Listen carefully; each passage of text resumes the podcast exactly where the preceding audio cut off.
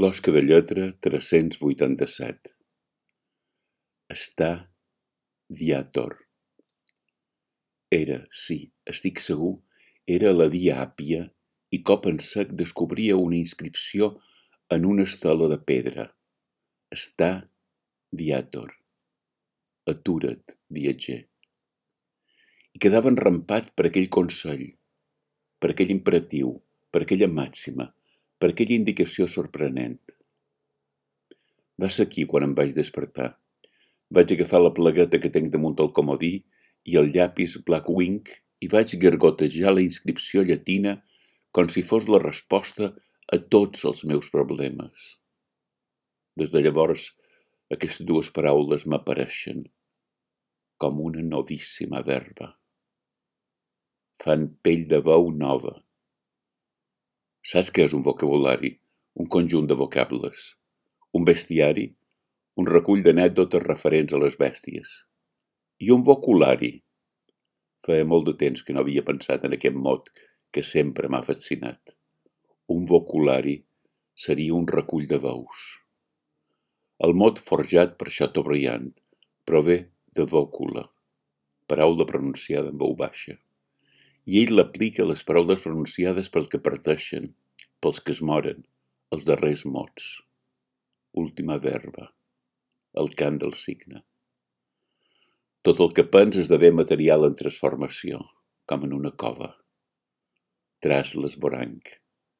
Faig punt de trau. Es podria dir traucar aquesta feina de sergir traus per trobar el bessó pelat de les coses? Escric el romanent d'una espoliació? Caldria que fes tàbula rasa? Desposseïes la direcció? És això el que em volia dir el somni? La frase, cada cop que la deia, semblava que canviava de color, com si visqués en un espai d'infinites dimensions. La frase em perseguia, m'amarava, m'obsessionava en repetia una ordre, un desig, un horitzó.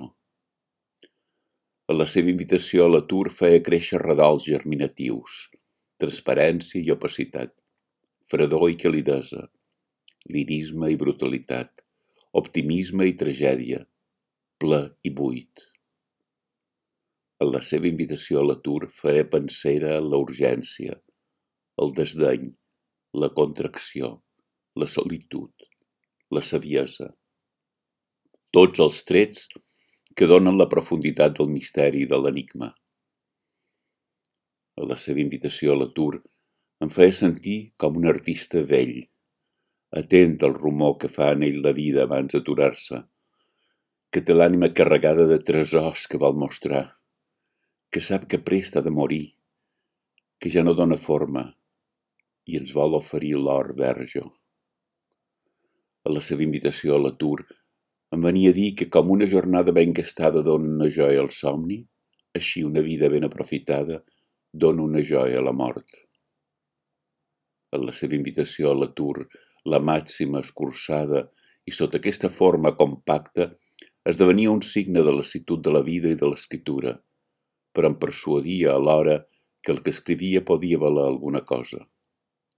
A la seva invitació a l'atur, m'obria de pinta en ample les portes a la dificultat d'aturar-se, perquè sovint m'arribava una escritura a l'atzar que returava, en què la ploma anava retardada respecte del pensament, anorèxica però sense desesper, sinó en canvi amb una certa satisfacció.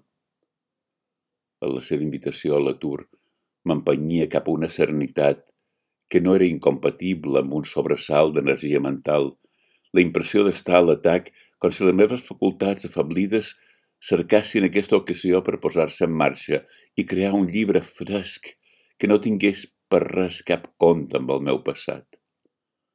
A la seva invitació a l'atur em cridava que havia d'estar despert, sempre seguit, curiós per les novetats, rebel, conqueridor, capaç d'emocionar-me per una forma de poesia completament nova, una música inoïda, lluny de la tradició, que m'empenyés cap a una vita nuova.